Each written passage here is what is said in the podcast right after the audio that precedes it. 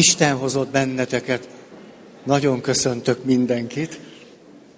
Egy gyors ismétlés, és utána a mai alkalommal eljutunk oda, amit már két alkalommal ezelőtt is nagyon ígérgettem nektek, hogy egy teljesen más nézőpontból is nem is talán, hogy gondoljuk át a társkapcsolatnak és a családi kapcsolatrendszernek a témáját, hanem inkább tekintsünk rá, vagy szemléljük azt, vagy nézzünk rá egy teljesen más megközelítésből, és ez a teljesen más megközelítés pedig a meséknek a bölcsessége és a világa, ahol hallatlanul egyszerű mondatokhoz juthatunk el, mint ilyen eszenciákhoz, és közben pedig ezek a mondatok nem egyszer olyan élettapasztalatot sugalnak és kristályosítottak ki, és foglalnak össze, amire nagyon nagy szükségünk van, pedig milyen hajlamosak vagyunk azt leértékelni, vagy már semmibe venni.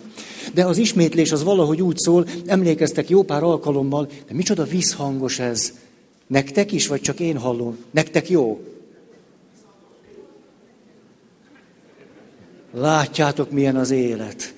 Mindenkinek jó, csak nekem nem. Ez rettenetes. Tényleg nekem nagyon visszhangos, de nem tudom. Na, a lényeg, hogy nektek jó. Nekem csak ez számít. Csak ez. Legyen nektek jó, és én majd végig szenvedem ezt a bő egy órát. De ti ne törődjetek vele, ti csak élvezzétek. Na jó.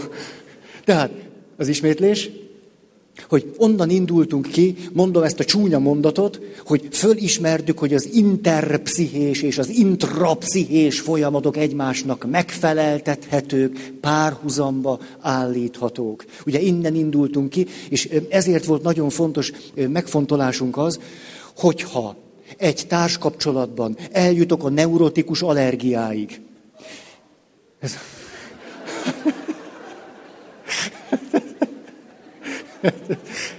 Ez számomra értelmezhetetlen jelenség. Ilyennel még nem találkoztam. Tehát eljutok a neurotikus allergiáig, akkor biztos lehetek abban, hogy itt a társamnak a magatartás módja, később már a személye, végül aztán már a puszta léte, ami bizonyos helyzetekben döbbenetesen irreális irritációt vált ki nálam, hogy annak megfeleltethető itt bent egy kidolgozatlan lélekrész. Mert ha az ki lenne dolgozva, mert hogyha az kézbe ö, volna véve, hogyha azzal ö, ö, hát rutinszerűen tudnék bánni, akkor nyilván ez a neurotikus allergia azzal a cselekvésmóddal, magatartásformával, személlyel, adott esetben a pusztán a létezésével kapcsolatban nem is alakulna ki. Ugye innen indultunk, és aztán sok-sok megfontolásra jutottunk, de most nem akarom ezt hosszabban, mert, mert el akarok jutni a ma mesékig, de még előtte két dolgot el szeretnék mondani. Emlékeztek még, hogy hogyan beszéltünk arról, hogy már most, ha rendszer szemléletben gondolkodunk, akkor milyen más jelentése van annak, amikor a 17 éves fiú vagy lány óriási durranással maga mögött becsapja az ajtót, hogy akkor az édesanyja harmadik mondata után, mikor ez megtörténik, hogy fiam, ne felejtsd el a kabátot fölvenni, és akkor sem oda se bökken. Fiam, hát hányszor mondjam már neked, anyádat arra sem éltatod, hogy meghallgass, vagy válaszolj valamit? Ugye, és erre durranással be az ajtó, és hogyha nem rendszer szemléletben gondolkodunk, akkor könnyen mondjuk azt, hogy mi történt, ez a gyerek egyre pimaszabb. És ráadásul teljesen idegennek tűnik a családtól. Szögt, itt, itt, elnézést. A vízhang mellé úgy látszik, más elemek is járulnak. De, de, jaj, most a szegény magyar nyelv. Tehát ez egy ilyen vízhang volt, és a... Szóval, hogy nagyon könnyen értelmezzük úgy a helyzetet, hogy azt mondjuk, ez a kölyök egyre neveletlenebb, pimaszabb, sőt, most már agresszív is, és leül az apa, és leül az anya, és esetleg bevonják a nagy testvért is, és megbeszélik, hogy hát, Nórikám, az öcsét teljesen lehetetlen már az utóbbi időben. Most kupak tanácsot tartunk, mert amit Laci csinál, az egyszerűen teljesen idegen attól, ami a mi árszpoétikánk, ami a mi családi tudatunkból fakad. Nem értjük, ez idegen a családtól.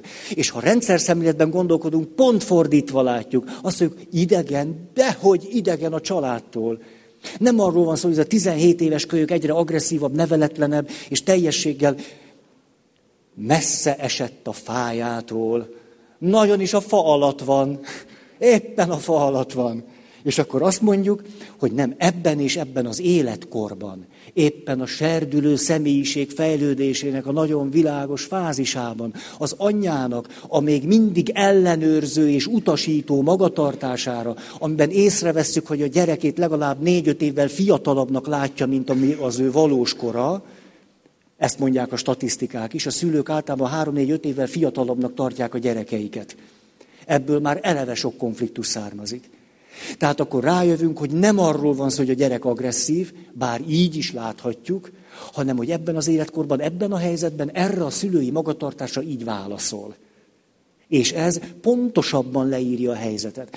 Ez volt az egyik, amit szerettem volna visszaidézni nektek, és a másik pedig, emlékeztek? A férfi éppen pakolja föl a karácsonyfára a cuccokat. Mászik föl, most ez nem direkt, mászik és rakja föl, és a feleség pedig szól neki, ugye? És mi történik akkor, ha megkérdezzük a nőt, hogy szerinte mi játszódik le ebben a helyzetben?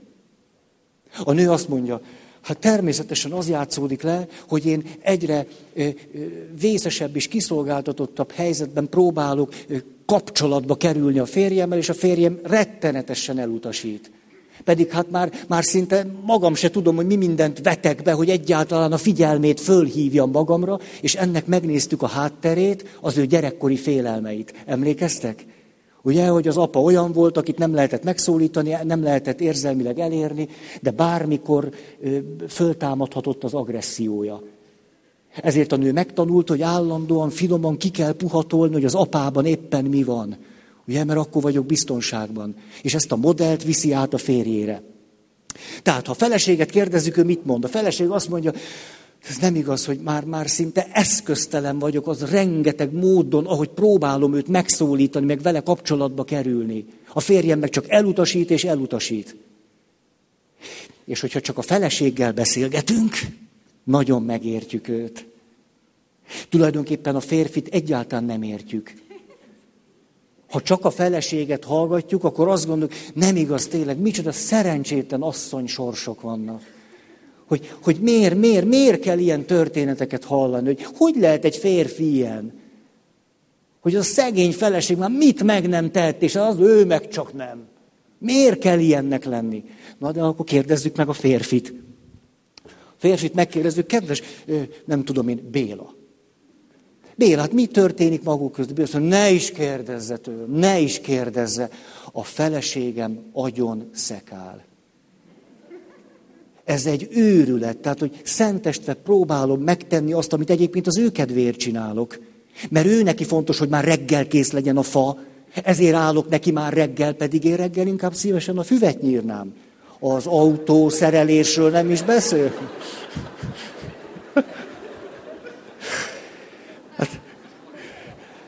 De ő mégiscsak ugye, hát egyszer van szenteste előtti reggel,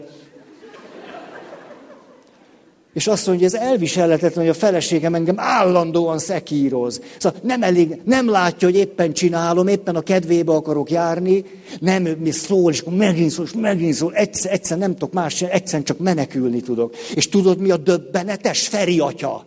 Ehhez le is jövök. Tudod, mi a döbbenetes? Ezt nem tudom, majd egy ilyen fogót fogok így. Tudod, mi ebben a döbbenetes veri atya? Hogy múltkor lemenekültem a garázsba. Lementem a garázsba, mert azt gondoltam, nem, nem, hát oda már csak nem jön utánam. Utánam jött, utánam. Szenteste reggelén utánam jött a garázsba. És még neki áll följebb. Atya, higgyel, őszinte vagyok, én egy szót nem mondtam neki. Nem, és semmi, tehát semmi oka nem lett, direkt, direkt mondtam, ne, ne szólj, ne szólj, Béla, ne szólj. Béla volt az előbb is? Hú. Jó, akkor, akkor itt vagyok. Béla, ne szólj neki, ne szólj, tudod, hogy ezt csinálja. Tudod, már 23 éves csinál, ne szólj neki, ne szólj neki, ne. Egyszer a feleségem elviselhetetlen. Hogy lehet valaki olyan, hogy szentest előtti reggel, az ilyenok már van tétje, mert azért a hormonháztartáson, mire megnyugszik, már szenteste van. Hogy akkor képes ezt a led. Én egyébként most olvastam egy okos könyvet, elég olcsó volt, puha papírborítású, és abban van ez a kifejezés, hogy játszma. Szerintem játszmázik velem. Atya, mit szólsz ehhez? Mert ha kiderül tényleg, és te is azt mondod, hogy játszma, hát akkor, akkor ezt megmondom neki, hogy akkor változzon meg. Na, ezt halljuk kettejükről. A kérdés akkor az, ha itt teszem föl, hogy ki az oka ennek a helyzetnek már is, addig gondolkodjatok, jó? Ki az oka ennek a helyzetnek?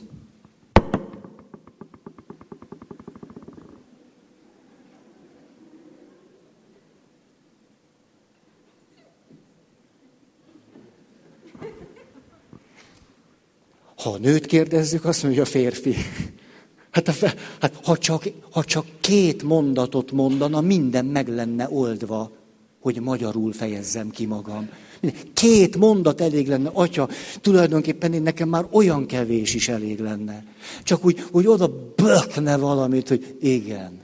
Hát már meg tudnék nyugodni, de nem még ez sem.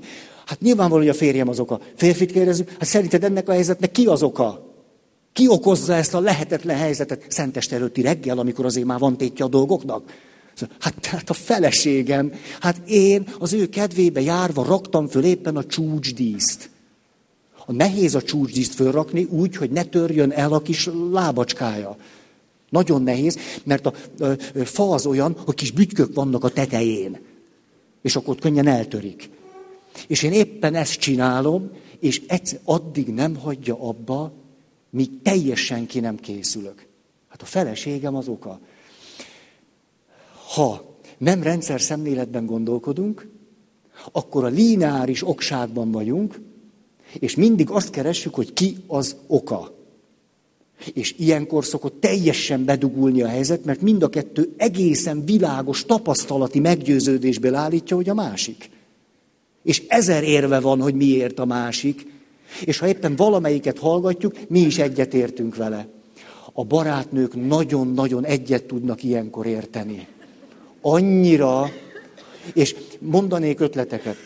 Tehát gesztenyepüré mellett lehet nagyon-nagyon jól egyetérteni, kis tojáslikőr, béliz mellett nagyon-nagyon-nagyon jól, esetleg nyáron a sör.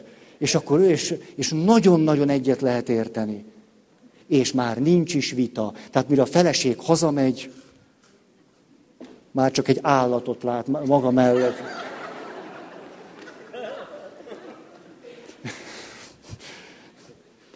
Ha rendszer szemléletben gondolkozunk, akkor Képesek vagyunk nem csak ezt az egyszerű ok-okozat, lineáris okság gondolatot és világot magunkban vinni, hanem rájövünk arra, hogy létezik olyan, hogy cirkuláris okság.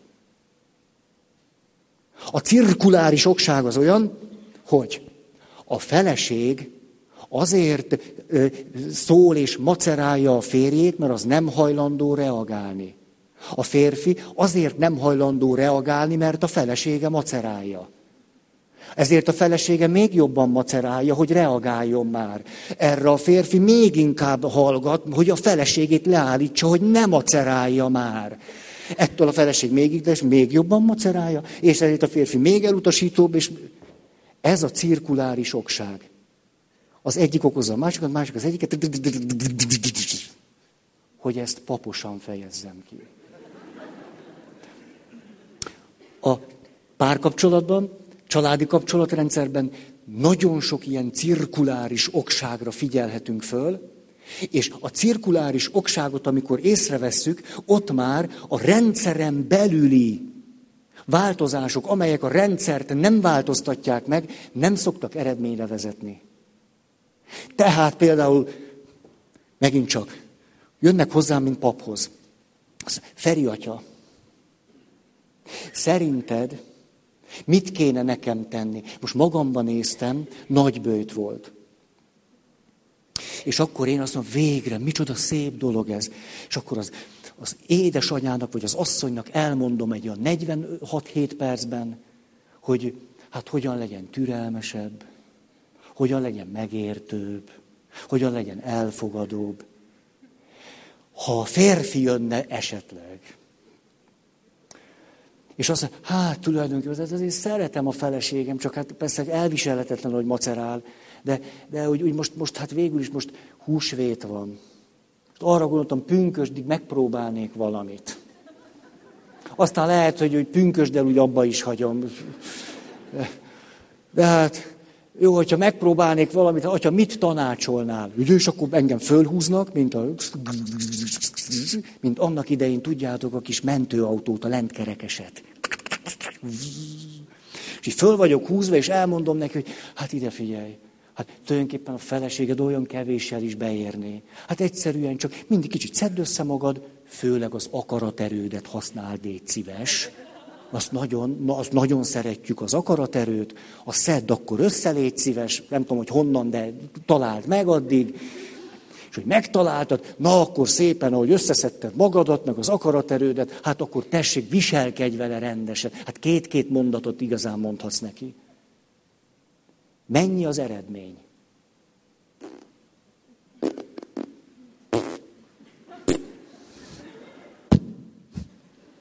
Mária Rádió kedves hallgatóinak is érzékletessé tettük a éter hullámhosszain, hogy mit gondolunk erről, mi hozhat valami eredményt.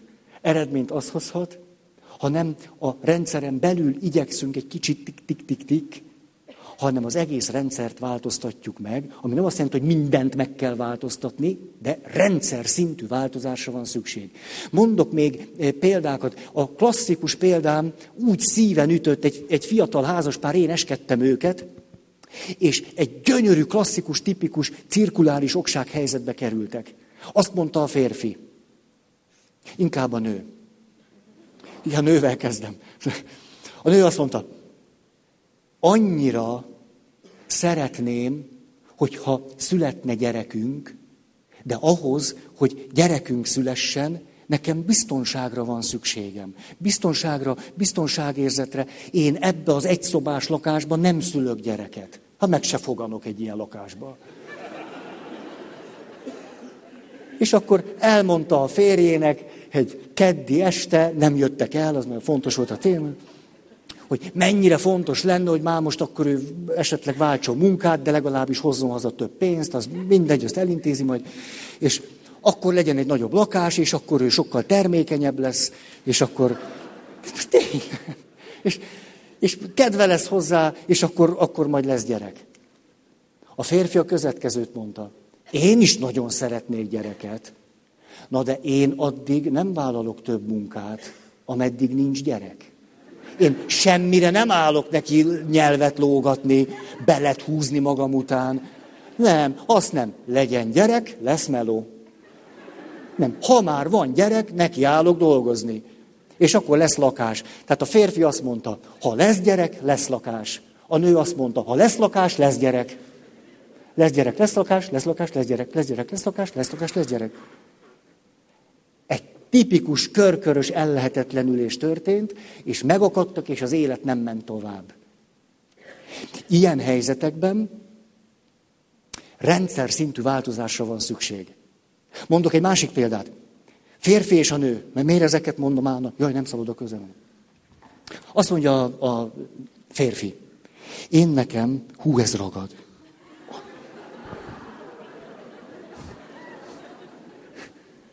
Milyen helyez, tudjátok?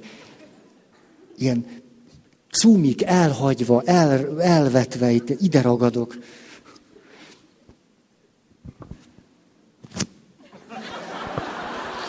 Csak hogy halljátok, hogy mi történik itt velem elől.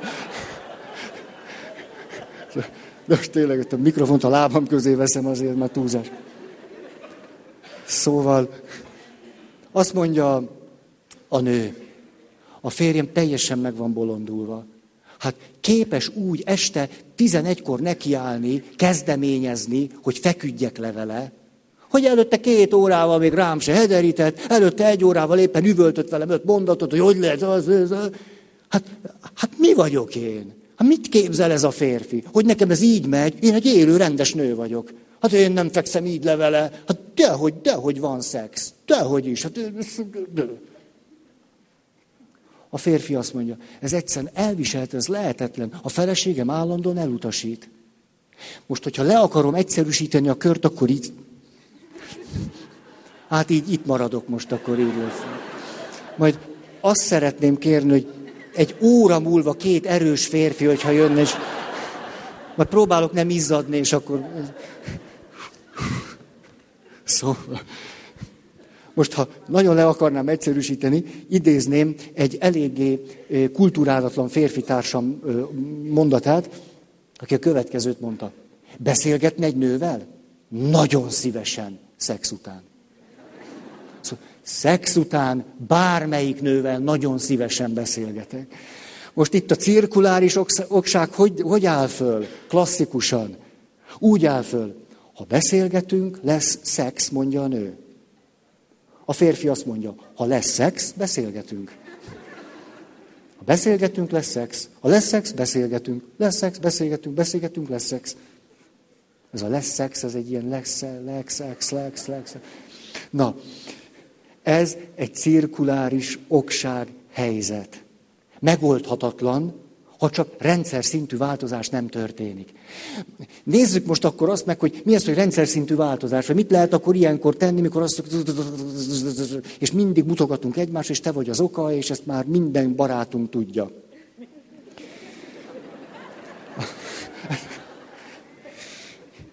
És akkor például ez a ha beszélgetünk, lesz szex, ha lesz szex, beszélgetünk dilemmára, most csak ötleteket mondok.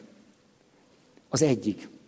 A terapeuta azt tanácsolja a férfinek és a nőnek, akik motiváltak arra, hogy ezt a lehetetlen helyzetet megoldják, mert azért fontosak egymásnak, és akarnak valami változást.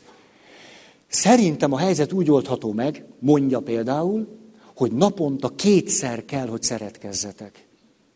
Most két hét múlva találkozunk, azt szeretném tőletek kérni, napi két szeretkezést be kell iktatni. Napi kettőt. Ezt beérdekeseket látok. Tehát, tehát, tehát sokaknak tágra maradt a szája, a szeme, füle, teljesen. Ez, hát ilyet. Mi történik, ha ezt komolyan veszik, hát vegyék komolyan, a terápiára járnak, a szedjék össze magukat. Mondjuk, ha egyáltalán neki látnak ezt megoldani, mert hogy bíznak a terapeuta, és ez a megoldás, akkor ha egyáltalán neki látnak, mondjuk a harmadik nap este, azt mondja a feleség tízkor. Drágám, még az első se volt meg. Emlékszem, mit mondott a terapeuta? Hát, hogy szexnek kell lenni, és egy nem is elég, és nagyon, nagyon jogos volt, amit mondod. Na most nem tudom, hogy csináljuk. Hát szerintem most nyomjunk egyet, és akkor... Hát igen, igen, most ezen már nincs mit, nincs mit hát kilenc óra van. És akkor egy kicsit kajálunk, majd összeütök valami egyszerűt, és akkor utána jön a második. És akkor megcsináltuk, mert, mert hát megígértük neki, hát most, most, most akarunk változást, vagy nem. Hát erre egy jó érzésű férfi mit mond? Azt, amit egy kedves ismerősöm mondott. Annyi, hogy én sok kedves ismerősöm van, hogy mindig mondanak valamit. Azt mondta, ez egy nem tudatos, ilyen sajátos helyzet volt. Ott is fölállt ez a cirkuláris okság, és a, a feleség mondta, hogy nem, nem, nem, nem, a férfi meg nyomul, de, de, de, de, de, de, ez a szexre vonatkozik. És végül aztán úgy döntöttek, hogy legyen gyerek. Hogy legyen még egy gyerek. A feleség mit csinált? Nézte a naptárat, meg magát. Hoppá, termékeny időszak. És magára húzta a férfit. Most. Mi történt azzal a férfivel, aki nap-nap után a barátaival, ahogy itta a töményet, úgy megosztotta ezt a bánatát, hogy ez, át tudod, szóval, nem tudom, nálatok van még szex egyáltalán? Jaj, ne is kérdezz, hol lenne már? Jó, most erre eszembe jutott egy történet, de ez... Ez azt nekem is, tehát ez...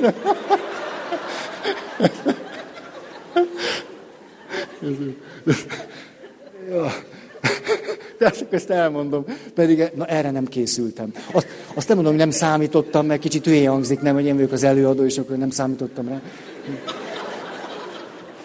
Mondjuk, hogy maradjunk, hogy majd nem készültem rá. Azt mondja, hogy elmentem Eger szalókra pihenni. Ezt akkor demonstrálom is. Ülök a vízbe, nagyon jó, 38 fok, sajátos illatok. Nézem a hegyeket. Egyszer csak megérkezik egy férfi társaság, és hát rám ügyet se vetve, ilyen 50-60 közöttiek, elkezdenek beszélgetni, csupa pasi, kopasz pasi, izmos pasi, pasi pasi, és úgy beszélgetnek, én meg... És akkor tudjátok, mi volt a téma? Fantasztikus, egerszalókra kell járni. A téma a viagra volt, és a hatásai. És a lenyűgöző beszélgetés tanulja lehettem. Ülök, és azt mondja az egyik pasi, de hát azt mondja, képzeljétek el, bevettem múltkor, nekem négy órán keresztül állt. Többiek bólogattak, nyilván másoknak is volt tapasztalat. És erre, erre azt, azt mondja ez a férfi, te, és adtam neki. Hát egy ilyen férfi társaság, hát így, így, így, így mondtam, most mit csinál, egerszalókul úgy látszik, ez így van, nem tudom. Szóval, én aztán adtam neki. Erre a másik férfi halálos nyugalommal, ilyen teljes realitás érzékében azt mondja, feleségednek?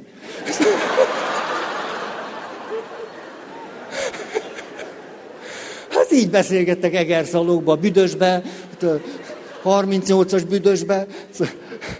Hát, de sose gondoltam volna, de 20 évesen tudom, hogy miről beszélgettünk, de hogy 50 évesen egy, a viagrás történetek jönnek elő, ezt, ezt számomban nem gondoltam volna. Na, hogy jutottam ide? Ugye, tehát fölállt ez a, ugye, hogy én...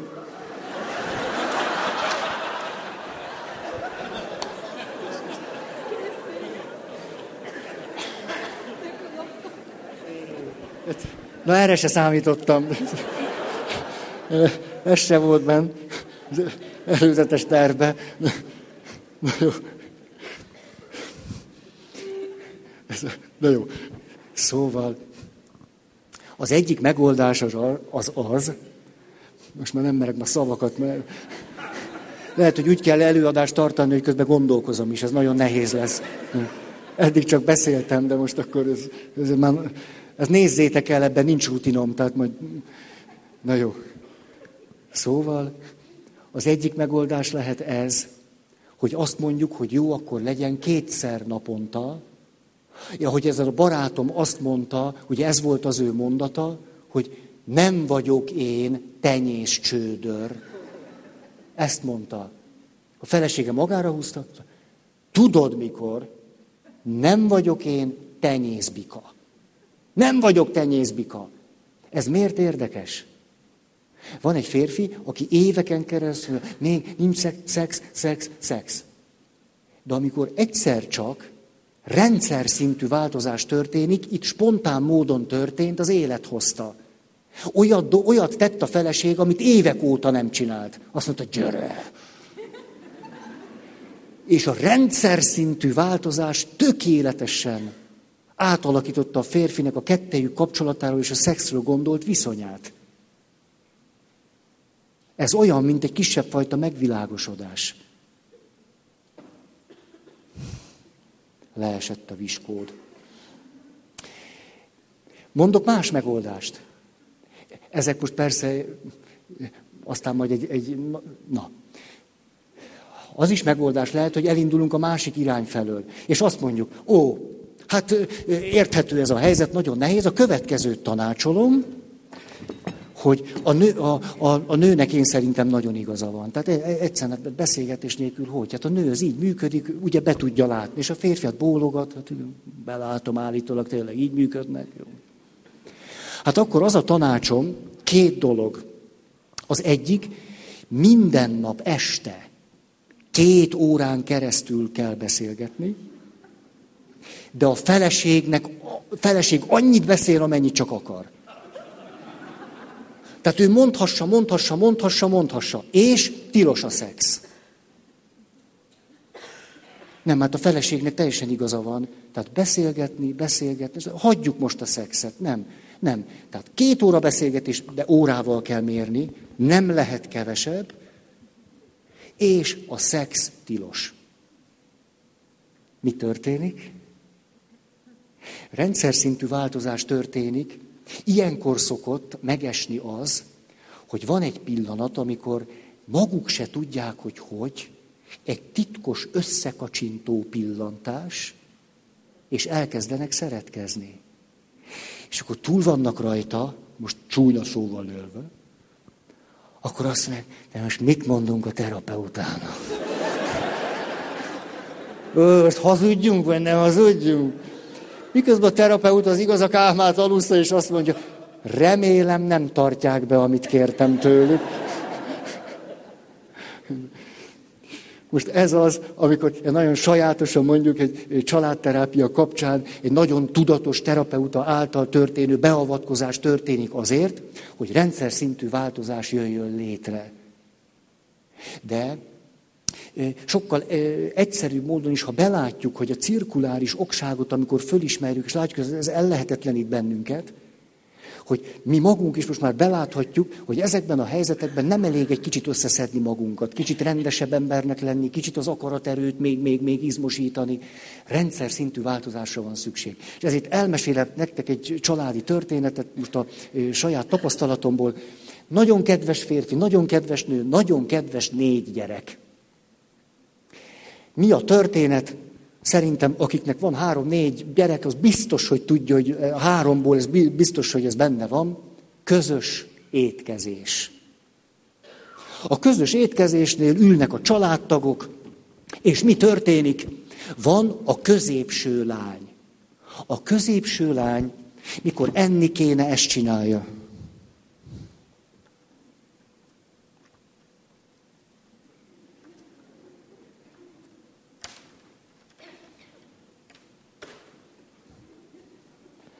Ez biztos ismerős, ahol vannak gyerekek.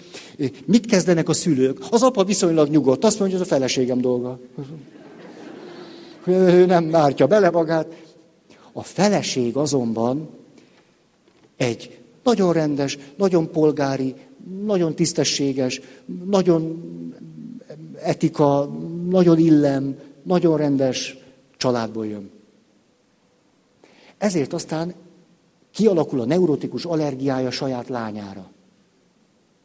És hogy látja, hogy a lánya piszkálja az étel, de akármit. Kislányom, mit ennél?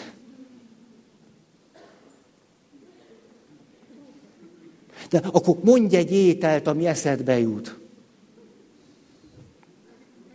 Gumicukor. De hogyha gumicukrot kap, azt is...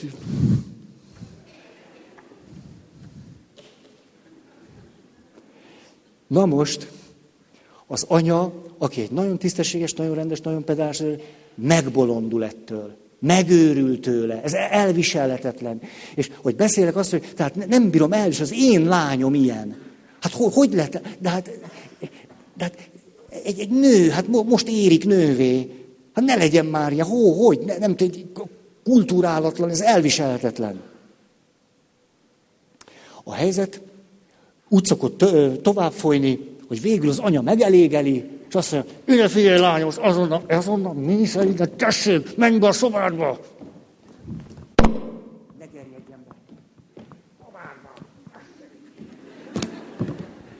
Ott, ott tír, tur, turkáljad a gumimacika. Tessék, ott turkáljad. Visszajön az asztalhoz. Mit gondoltok, mit történik? Hogy lemegy az első haragja, jön a bűntudat. Hát most, te most ott, ott, ott, ott három gumimacival ülök. Az én lelkemen szárad. Elkezd aggódni, mit csinálod, mert mit tettem a lányommal, hát még csak öt éves, vagy hét éves, vagy kilenc. Akkor bemegy. Lerakom el, gyere. Ja, kislányom, hát gyere vissza, akkor egyéb percet.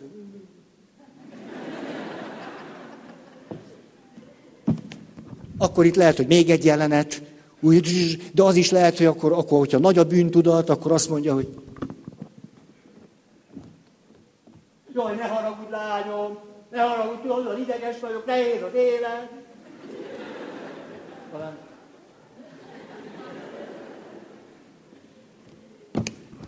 helyzet elég reményvesztetnek tűnik. Ugye, ez a téma. Annyira jó papnak lenni, látjátok, ilyen, ilyen, ilyen témák jönnek. Ez a téma. Ha cirkuláris okság szemléletmódját használjuk, akkor azt mondhatjuk, hogy a gyerek azt mondja, az anyám minél inkább akar rávenni, hogy így meg így mi, annál inkább utálom ezt az egészet. Hagyjon engem az anyám, ez nem igaz, hogy nem, nem ülhetek itt rendes, a testvéreim sose szól rá. Hagyj egyek már azt, ami nekem ízlik. Az anya azt mondja, hát ez elviseltet, ez a gyerek, ha nem eszik, hát ha nem eszik, hogy ez az én felelősségem, különben ne legyen már ilyen.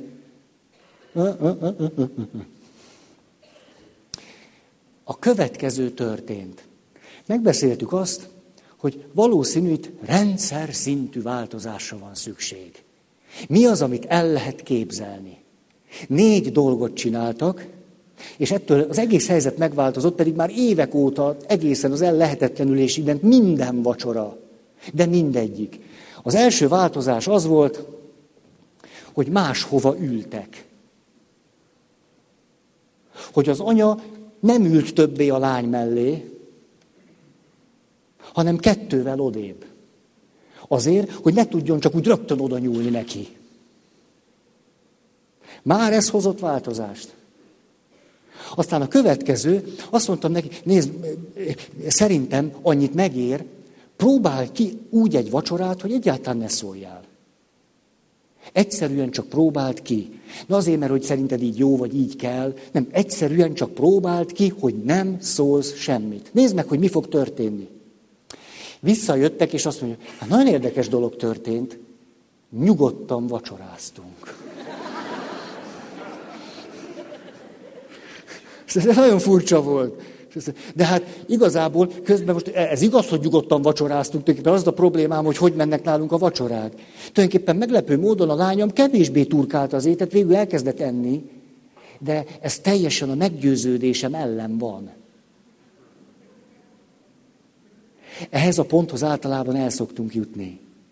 Hogy van egy, van egy valamiféle meggyőződés, ami általában nem tudatos, és az a meggyőződésünk nagyon ellene feszül annak, hogy valamilyen ö, rendszer szintű változás tudjon történni.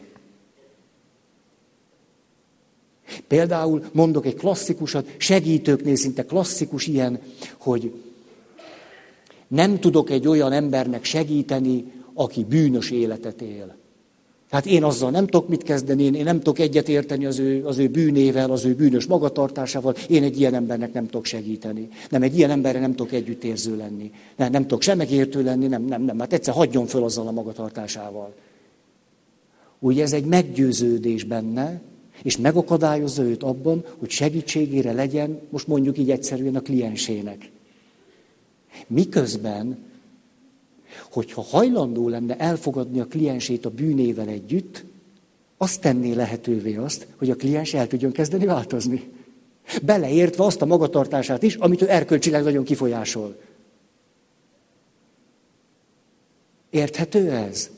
De ameddig ő azt mondja, hogy erkölcsileg ezt a helyzetet kifogásol, amit le van húzva a roló, addig nem történik változás. Amint elfogad valamit, ami számára elfogadhatatlan, a változás elkezd megtörténni. Na ezen a, ezen a szakaszon átmenni nagyon nehéz. Ez nagyon megterhelő. Mert úgy érezzük, hogy valamit, valamit ilyen, ilyen gerincből akarnak megváltoztatni, vagy kitépni belőlünk. Ugye, amikor a nő azt mondja, jó, akkor legyen napi kétszer szex. Hát, ez, na, hát ha van valami, ami elképzelhetetlen, akkor ez ez. A férfi is azt mondja, két órát hallgatni a feleségem? Na azt nem. Hát nem, nincs az a feleségem, akit két órán keresztül. Mert itt előbb-utóbb ilyen egészen bebetonozott, meggyőződésszerű dolgokig jutunk el. És éppen ezek a meggyőződések akadályoznak meg abban, hogy az történjen, amit szeretnénk. És hogy nagyon sajátosan egy utat bejárva tulajdonképpen a meggyőződésünkhöz vissza tudjunk találni. Mint egy életképes meggyőződéshez. Érthetően tudtam ezt elmondani? Hát, ha nem, akkor tessék. Na, a rendszer szintű változásban, ittennél a családnál nem csak ez a két dolog történt. Óriási dolog, amikor azt tudta mondani, ez a, a férj mit mondott, hát, hát én szerintem azon semmi nem múlik, hogy ki hol ül. A feleség is azt mondta, hogy hát most de az, hogy hajlandók voltak mégiscsak ülésrendet változtatni, ez lehetőséget adott a változásra, a rendszer szintű változásra. A, ugye a második elem az az volt, hogy hajlandó volt teljesen bizonyos értelemben a meggyőződése ellen tenni. Mert a meggyőződése az, hogy a lányomnak jól neveltnek, tisztességesnek, normálisnak kell lennie, mert hát ez, ez, ez a normális emberi magatartás. Ahogy elfogadta, hogy a lánya lehessen másmilyen, ezt tette lehetővé, hogy végül normális, tisztességes lány legyen belőle. Vagyis, hogy a meggyőződése mégiscsak valahogyan érvényre jusson. Itt létezik egy paradoxon, amit nehéz kikerülni. Olyan egy ponton túl, mint hogyha éppen a meggyőződésemmel szemben kellene mennem. De erről már beszéltünk a megbocsátás témájánál például. Ugye megengedem a haragot, ami úgy tűnik, hogy éppen szemben megyek azzal, hogy megbocsássak. Azonban egészségedre, azonban ennél még többet is tett ez a két ember. Mert azt mondták, hogy de tulajdonképpen most elgondolkodtunk azon, hogy miért is zavar engem, kérdezte a feleség, az édesanyja, a lányomnak ez a magatartása. És elkezdtünk erről beszélgetni, én nem mondtam meg neki, ő maga elkezdett ezen gondolkodni, és azt mondja, hogy hát én azt hiszem, hogy hát tulajdonképpen én a, a, a, a, Szeretném, hogyha egy ilyen igazi, klassz, klassz, igazi, szép, rendes nő lenne, egy na, tisztességes, rendes nő, na. És hát, hát így meg minden csak nem az, én, de én ezt, ezt nagyon szeretném, és én, én nekem elviselhetetlen az, ahogyan azt látom, hogy pont az ellenkezője. Hogy neveletlen, hogy udvarjatlan, hogy, hogy tapintatlan, hogy antiszociális.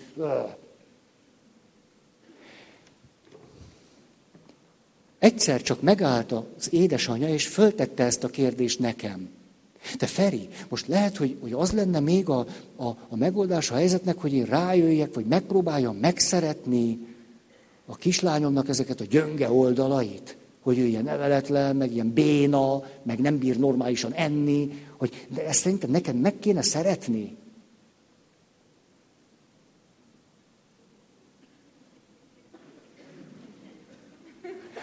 A helyzet ennél sokkal izgalmasabb. Mert ő neki nem a kislánya esendőségét, bénaságát, nyomorultságát kell megszeretnie, hanem a sajátját.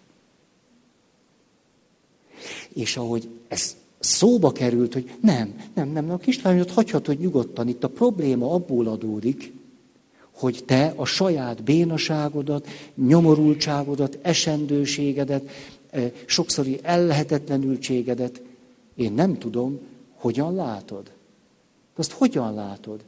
Csak az, hát hogy, hogy hogyan látom?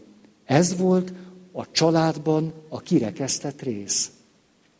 Ebben a családban a nők nem lehettek gyengék, bénák, ügyetlenek, esendőek, kultúrálatlanok, és illemetlenek, akik nem ismerik a magyar nyelvet. Ő neki éppen ezzel a gyönge, esendő, női lélek részével nem volt megfelelő kapcsolata. Ezért neurotikus allergiája volt a saját kislányával, akiben ez mind szépen megtestesült. És tudjátok, az egy gyönyörű pillanat, ahogy látod, hogy ennek a, a, az édesanyának az arcán egyszer csak így fölragyog az, hogy a nem jóját, ezt most megértettem. Áhá, hogy ez így megy. Most akkor megvan valami. Ez volt az a belátás, aminek óriási jelentősége van. És utána azt mondta, hú, de érdekes, akkor én nekem, én nekem egyszerűen tényleg rá kell jönni a családból egyáltalán, hogy volt az én történetem, az esendő, a gyengeség, az elviselhetetlen ügyetlenkedés, hogy nem tudom magamat elfogadni ügyetlennek, bénának, esendőnek. De ha magamat el tudom fogadni, el tudom fogadni a lányomat is. Ugye ez az, amivel kezdtük most az ismétlést, hogy, hogy ez itt mit jelent. És utána tett még egy negyedik lépést is, és ezt két alkalom alatt megcsinálta ez a pár. A negyedik lépés az volt, de érdekes, hát akkor ennek biztos van egy másik útja is. Hát akkor, és akkor a következőt mondja, jaj, de jó, hát nekem van egy rokonom, az a rokonom rendelkezik egy teljesen nyomorult kis hülye gyerekkel. Hát annál hülyébb gyereket én nem is látom, de jó, hogy nekem nincs ilyen. Lehet, hogy nekem őt meg kéne szeretni.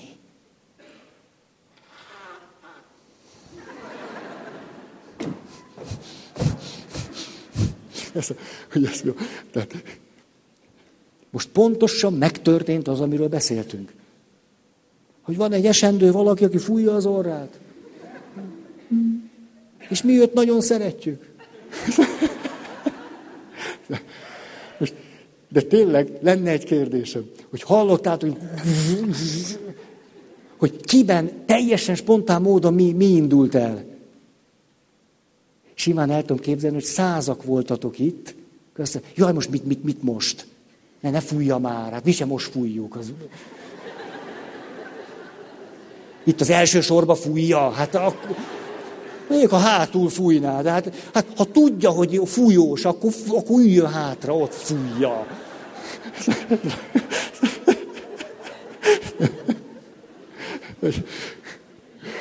Szóval, ezt csak azt akartam mondani, hogy lehet bennünk ténylegesen egy zsigeri ellenállás, egy zsigeri elutasítás azzal, hogy valami esendő történik.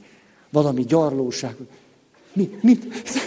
Ne, ne, ne, mit se vagyok. Igen, ez a Tudjátok, ez nagyon szentmisén minisztráltak a gyerekek.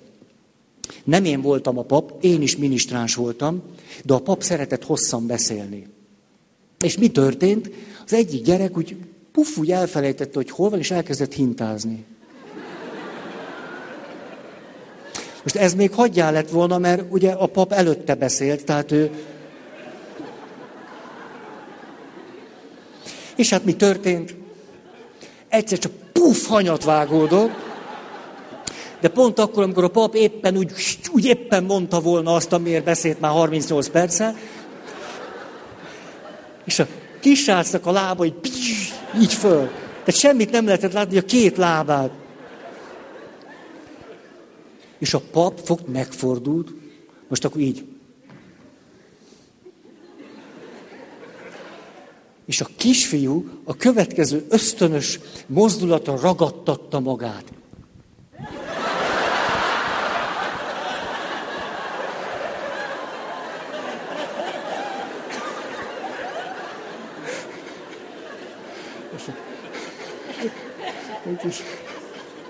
Hát ez egy felejthetetlen.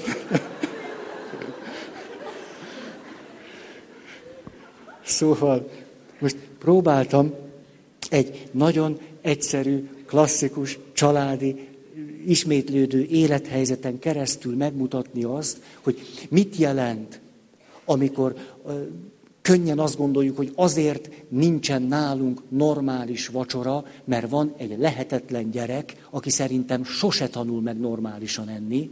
Ugye ez a lineáris okság, hogy minden rendben lenne velünk, ha nem lenne ez a lehetetlen kölyök. A lehetetlen kölyök meg azt mondta, ez a család egészen jó lenne, Ha nem lennének vacs- a vacsor, akkor ezek a lehetetlen vizék, hogy nem hagynak engem. Ő azok, ő azok, ő azok, ő azok, tüdüm, tüdüm. Azt akartam csak ezzel mutatni, hogy például egy ilyen egyszerű, klasszikus, reális élethelyzetben mit jelenthet az, hogy rendszer szintű változás történik. De van még valami még nagyon szép, hogy rendszer szintű változás történhet a fejben is. Hiszen én valahogy látom a családomat, valahogy értelmezem a helyzetet, hogy mi történik. De hogyha én a fejemben egy teljesen más rendszert állítok föl, és teljesen másképp értelmezem, hogy tulajdonképpen mi is történik ott, akkor én bennem történik a rendszer szintű változás. Ha én például kibékülök a saját gyöngeségemmel, esendőségemmel, lehetetlenségemmel, életre nem valóságommal, ha én ezt meg tudom szeretni, akkor én bennem történik egy intrapszichés rendszer szintű változás. Ez nagyon szép, tehát belül is tud történni rendszer szintű változás, és kint is tud történni rendszer szintű változás. A legszebb, hogyha mind a kettőt egyszerre. Azt mondta nekem egyszer valaki, hogy Feri, nekem sokat jelentett, hogy te állandóan mondta Virginia Satír. Hát igen, igen, ugye őróla mondjuk azt, hogy már a neve is bizalmat ébreszt. Csak hogy tényleg a Virginia Satír asszony, meg a Böszörményi Nagy Iván, meg a, meg a, meg a, hogy milyen jó, hogy ők ezt mondták, hogy három generációban kell gondolkodni. Hogy amióta én megtanultam három generációban látni, egy teljesen más rendszert látok, mint ameddig csak két generációban gondolkodtam. Vagy csak egyben. Én meg a feleségem, és az állandóan ezt néztem, és nem értettem, hogy a feleségem miért nem hajlandó már így úgy. De amióta látom, hogy mi a viszonya a feleségemnek az anyjával és az apjával, és hogy az ő anyja és apja miért lett olyan, mert látom már a nagyszüleit is, teljesen másképp látom azt, ahogyan a feleségem hozzám viszonyul egy adott helyzetben. Itt is a teljes rendszer változik meg, azzal, hogy három generációban kezdek el látni és gondolkodni. Emlékeztek, ez egy gyönyörű dolog volt. Volt egy, egy házaspár, az egyikük állami nevelő intézetben nőtt föl, és rengeteg, hát rengeteg hiányal élt, és eléggé nehezen elviselhető, egy elég nehéz természetű valaki volt, akiről azt mondhatjuk, most elindulok, akiről azt mondhatjuk, hogy nagyon sok destruktív, romboló jogosultsága volt, és ezeket igyekezett is beváltani. Ezeket előszeretettel váltogatta be évtizedeken keresztül. Erről néhány évezőt sok szó esett. Szerbus Csaba, Tudom, itt vagy, itt vagy nekem, nagyon örülök. És hogy mi történt itt? Tehát volt ez a pár, és a gyerekek meg egyre nőttek. De itt egy kicsit hűvösebb van, mint ott. De érdek, ti meg álltok. Ó. Hmm. De én is, ennyit tudok. E, ez, ez. Ígérem, még állni fogok itt 20 percet. És a, Na és mi történt? A gyerekei, a nagy gyerekei, mennyit a jó irányba vagyok-e? A nagy gyerekei, ahogy fölnőttek, elkezdtek rettenetesen kritikus lenni ezzel a férfivel vagy nővel. Direkt nem mondom, hogy melyik. Nagyon kritikusak, és mentek mondjuk az apához, és mondták, apa, te hogy bírod elviselni anyát? Hát anya elviselhetetlen. Hát egyszerűen ez tűrhetetlen. Egyáltalán miért vetted el? Nagyon is a gyerekek elkezdték provokálni a saját édesanyjukat, hogy miért ment hozzá ez a férfihez. Ugye most direkt mondom így úgy, mert mindegy. És akkor a végső érve egy gyönyörű szép mondat volt ennek a házastársnak, aki tényleg jóval többet tett bele a kapcsolatba, de a méltányos igazságosság rendje szerint ez helyén való volt, mert többet is hozott. A méltányos igazságosság azt jelenti, hogy mindenki nem 50-50 százalékban tesz bele, hanem annak arányában, amilyen arányban otthonról hozott, és az élettől kapott. Így létrejön a méltányos igazságosság. Egy olyan valaki, akinek nincsen apja és anyja olyan értelemben, hogy ők nem voltak fizikailag jelen, érzelmileg elérhetők, ő sokkal kevesebbel megy be a házasságba, mint valaki, aki egy megfelelő gondoskodásban részesült.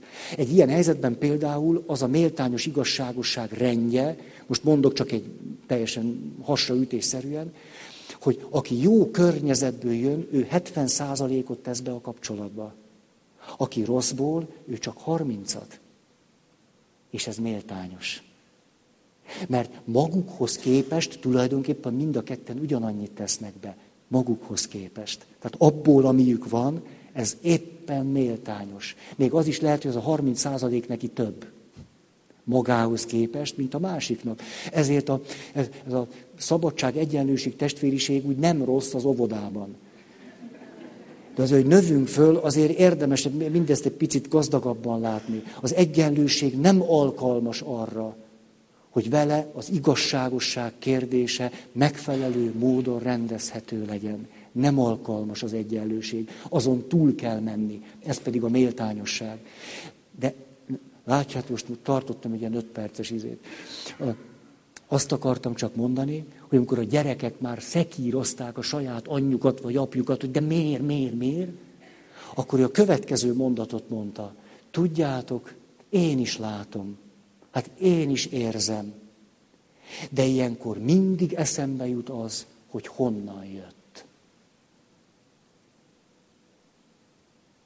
És akkor eszembe jut, hogy ő honnan jött, akkor elfogadhatóvá válik, ami történik. Nem esik jól, el tudom fogadni, hogy ez történik. Ez itt tulajdonképpen egy rendszer szintű változás, illetve egy rendszer szemlélet. Mert képes kiterjeszteni a házastársának a látását egy egész élet történet horizontjára. Ezért, hogyha egy házastársi, hú, nézem az időt, nagyon én központúan vagyunk benne, úgy nehéz kitágítani a horizontot. Mert ott előbb-utóbb beleütközök az én, én, én, én, én falaiba, és elviselhetetlen, amit csinálsz. Oké. Okay. Na most jegyzetek elő.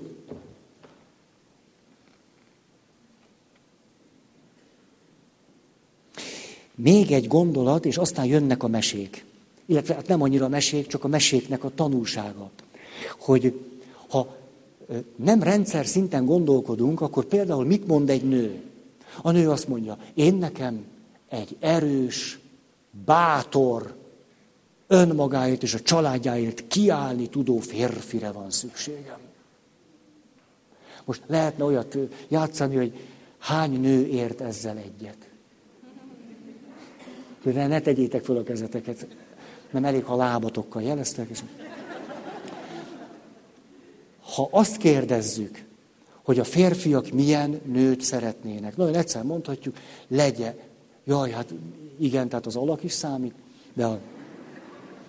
azt mondja, hogy legyen házias, és közben azért szexi, és közben az otthon meleg légkörét tudja teremteni.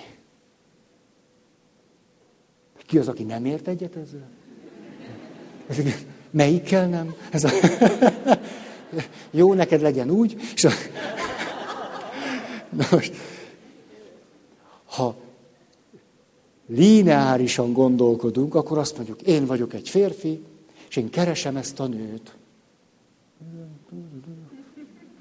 konyhaszag. Sokat elárul. Keresem ezt a nőt, és természetszerűen aztán ideálok, elvárások, katasztrófák. Ugye körülbelül ide jutunk.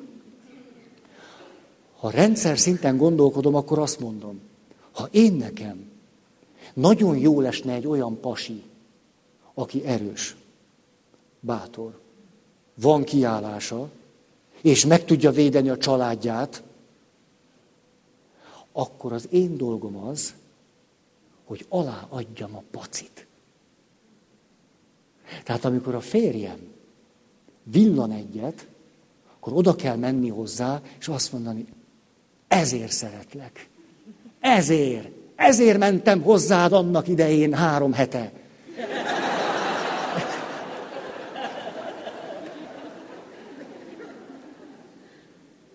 Tehát azzal nem nagyon járunk jól, hogy magunkat bebetonozzuk, és utána az elvárásainkat támasztjuk, hiszen egy kapcsolatban, egy rendszerben vagyunk. És én fölismerem benned, és megdicsérlek téged egy férfi naponta kétszer legalább. Háromszor, négyszer, ötször. Úgy hét-nyolcszor kell minimum, mert arra jön két kritika. Ugye az egy, az egy elfogadható aránya, 8, 2, 4, 5, 5, 5, 5, 2, 5, 2.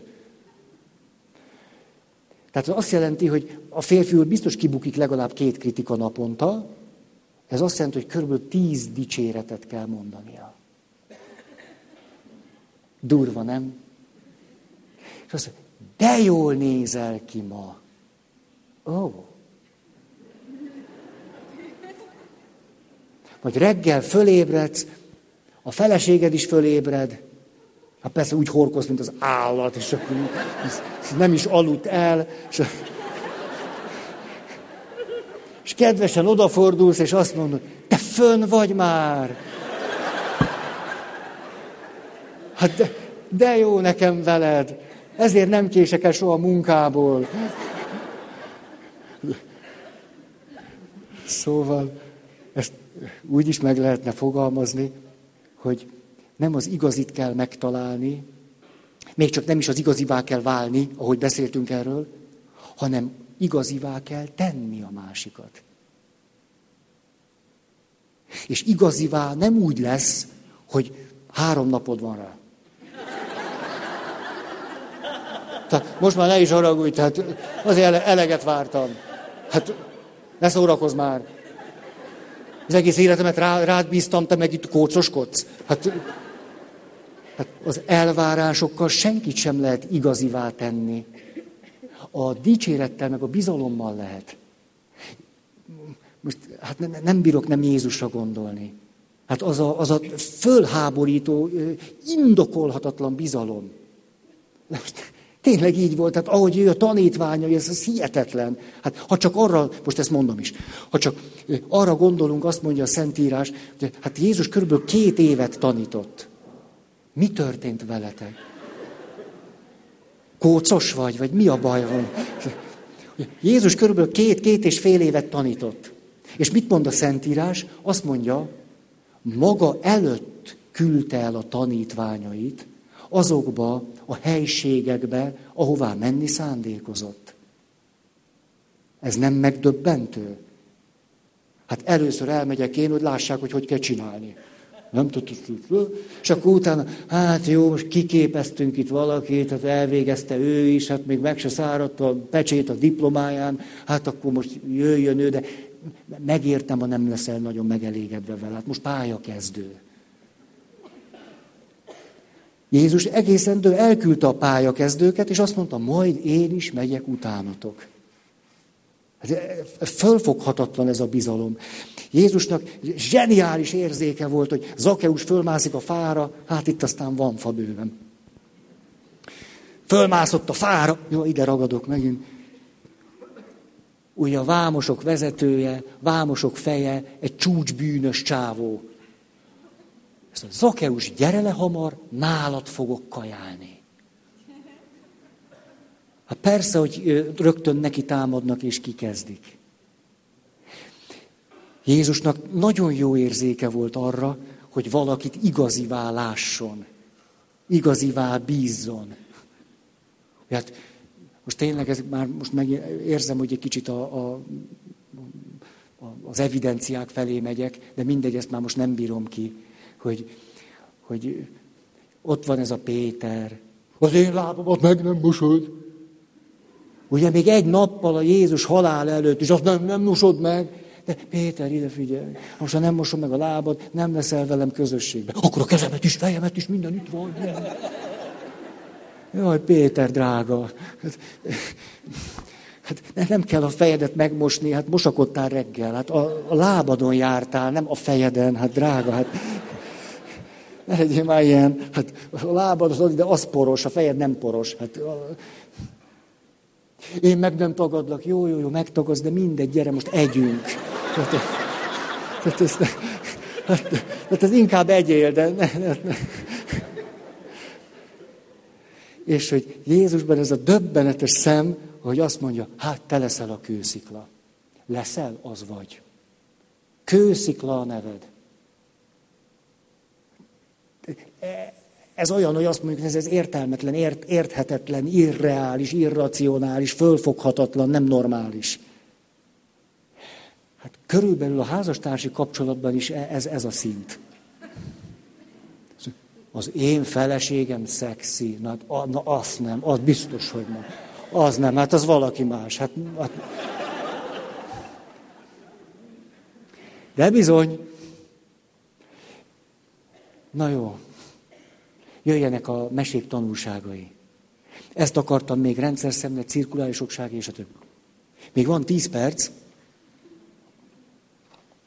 Azt mondja, hogy teljesen más nézőpont, hogy az lehetőséget adjon nekünk rendszer szintű szemléletváltásra. Most elárultam magam, ezért csinálom az egészet, nem is a meséket szeretem. A meséknek, a, hogy és boldogan éltek, míg meg nem haltak. De most induljunk ki ebből a mondatból. A mesék, ahogy az arhaikus tudást őrzik, a következőt mondják erről. A boldogságért tenni kell.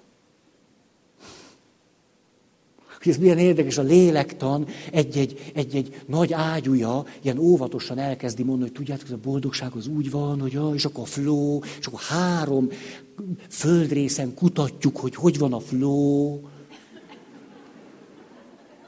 Ahelyett, hogy elolvasnánk egy mesét. Ugye, hogy neki indul, megtalálja a boldogságot. Ő nehézségek, és végül megtalálja. Ennyi. Csapó, kész van. Nem kell, nem kell 25 ezer embernek kutatást végeznie, PHD-znia, doktorálnia. De nincs rá szükség. Tehát a boldogságért tenni kell. Kész. És milyen szép az, nem mindig jönnek ezek az asszociációk, hogy amikor Jézus a csodákat teszi, állandóan cselekvésbe viszi az embereket. Azt mondja, tudod mit, most akkor vedd föl az ágyadat és menj.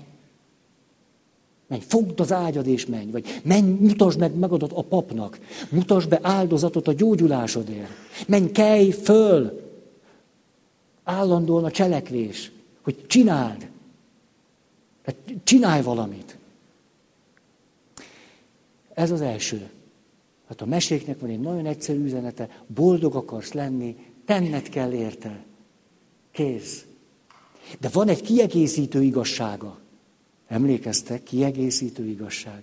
Ez pedig az, hogy miközben belátom, hogy neki kell indulnom, hogy a boldogságomért tegyek valamit, aközben lesznek csodák. Ez a mesékben gyönyörű szép. Vagyis, hogy azért mégsem csak magamra számíthatok, hogy a tengerekben vannak aranyhalak. Ősz öreg emberek néha odaadják egy-egy hajszálukat. Néha megjelenik egy-egy tündér, elvarázsolt királyfik hemzsegnek itt-ott. Hogy a szónak legjobb értelmében vannak csodák. Hogy, hogy az a minimum, hogy nekiállok erőfeszítést tenni, de közben ott lehet bennem az, az, az a bizalom és az a nyitottság, hogy az életből néha olyan nagyszerű dolgok tudnak kijönni, amik sose jönnének ki, ha csak én csinálnám.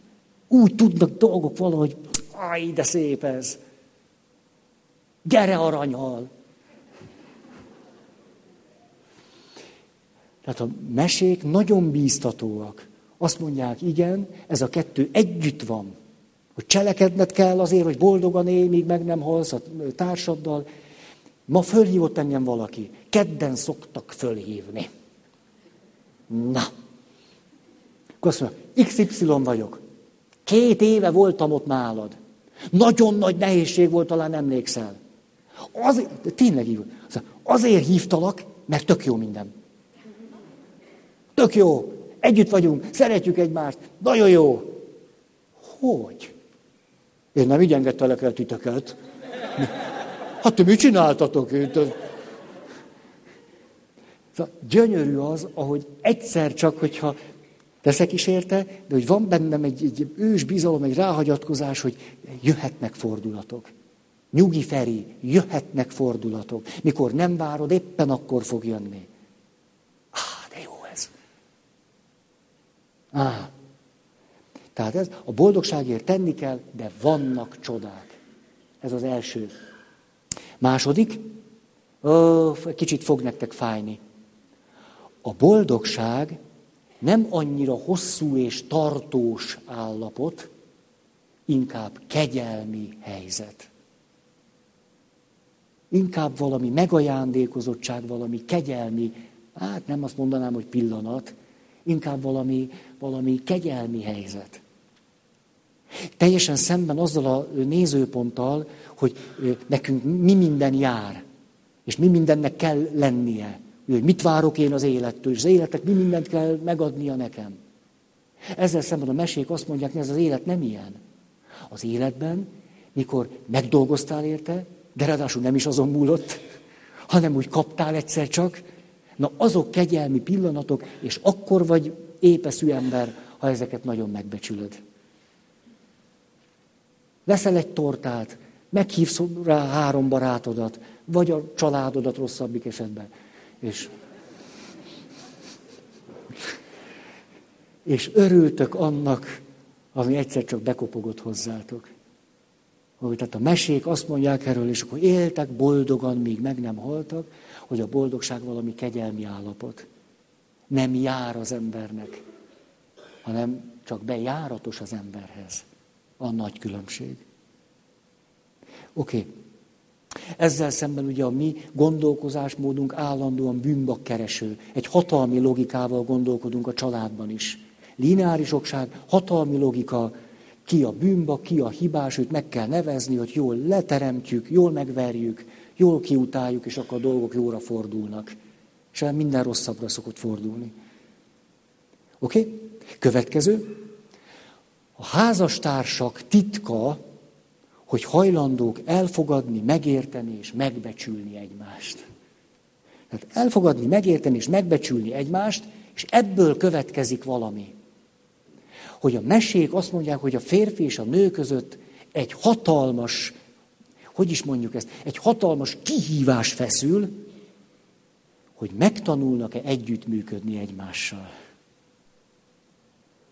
Hogy egyáltalán képesek-e szót érteni egymással hogy egyáltalán egy közös világot tudnak-e alkotni, ez a kult szó, képesek-e egyáltalán az együttműködésre.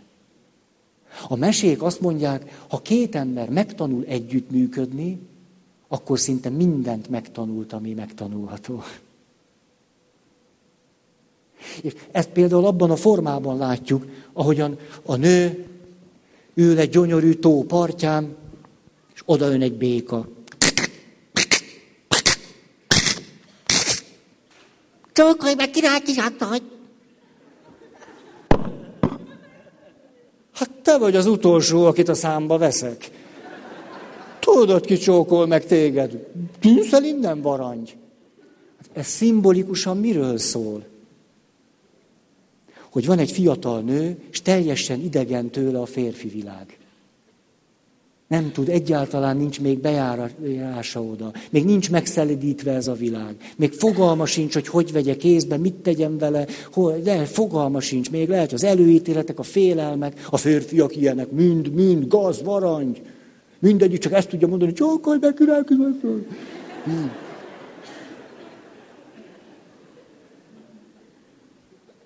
A mese ezt így mondja el. És fordítva is van. Igen, de nem most. De ezzel fogom folytatni, Péter. Hogy van fordítva? De, de, de. Hogy, de ezt még hagyj fejtsem ki. Gyere, szkanderozunk egy. Szóval, hogy a mese ezt úgy mutatja be, hogy a nőnek sokszor egy ilyen, egy ilyen természetes hozott undorán kell erőt venni, hogy egyáltalán valami viszonya köze lehessen azzal, amit úgy hívnak, hogy pasi. Ez nem egyszer szimbolikusan egy akkora, akkora lépés, mint egy békát megcsókolni. Mert minden férfi csak azt akarja, mert a férfiak mind gyengék, mert a férfiak előbb-utóbb mind csak isznak, vagy... Hogy mondtad? Jó, hogy ez van, ez van, ez van. Mondom, nem hiába vagy itt. Ez...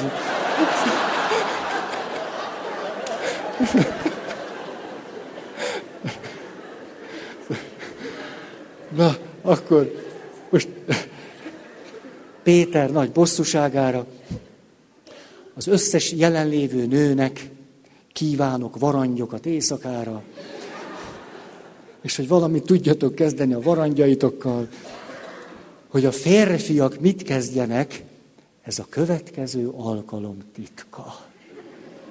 Jó, nagyon köszönöm a figyelmeteket, jó volt veletek.